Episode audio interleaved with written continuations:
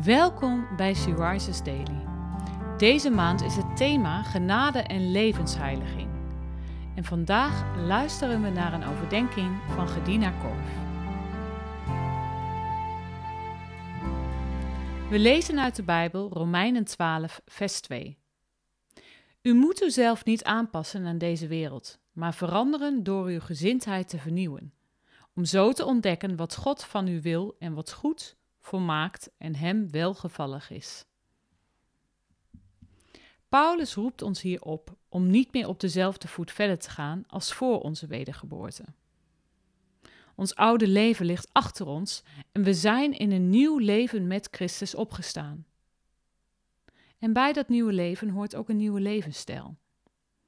Voordat we Jezus leerden kennen als onze Heer en Verlosser, waren we nog in de macht van de Satan, van deze wereld de overheden en machten waar wij tegen moeten strijden, probeerden en proberen nu nog steeds om ons denken te beïnvloeden.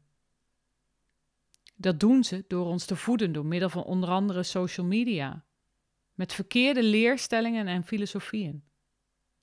Het heeft ons denken gevormd, maar God wil dat niet. Hij wil dat wij de leugens afbreken die ons denken zijn binnengeslopen. Dat doen we door Zijn woord te lezen en Hem en zijn wil door ons leven beter te leren kennen en door de kracht van de Heilige Geest deze waarheden toe te passen in ons leven. Waarom is het zo belangrijk om God en zijn woord steeds beter te leren kennen? Schrijf de redenen die je zo te binnen schieten deze week eens op en lees aan het eind van de week voor jezelf eens door.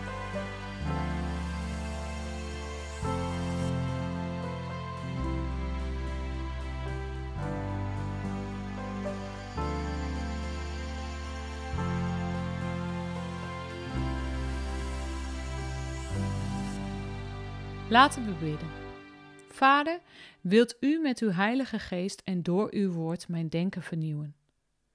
Wilt u mij laten zien waar ik de leugens van deze wereld ben gaan geloven en wilt u mij hiervan vrijzetten? Deze bolwerken tot de grond afbreken, zodat u kunt gaan herbouwen met uw waarheid, Heer.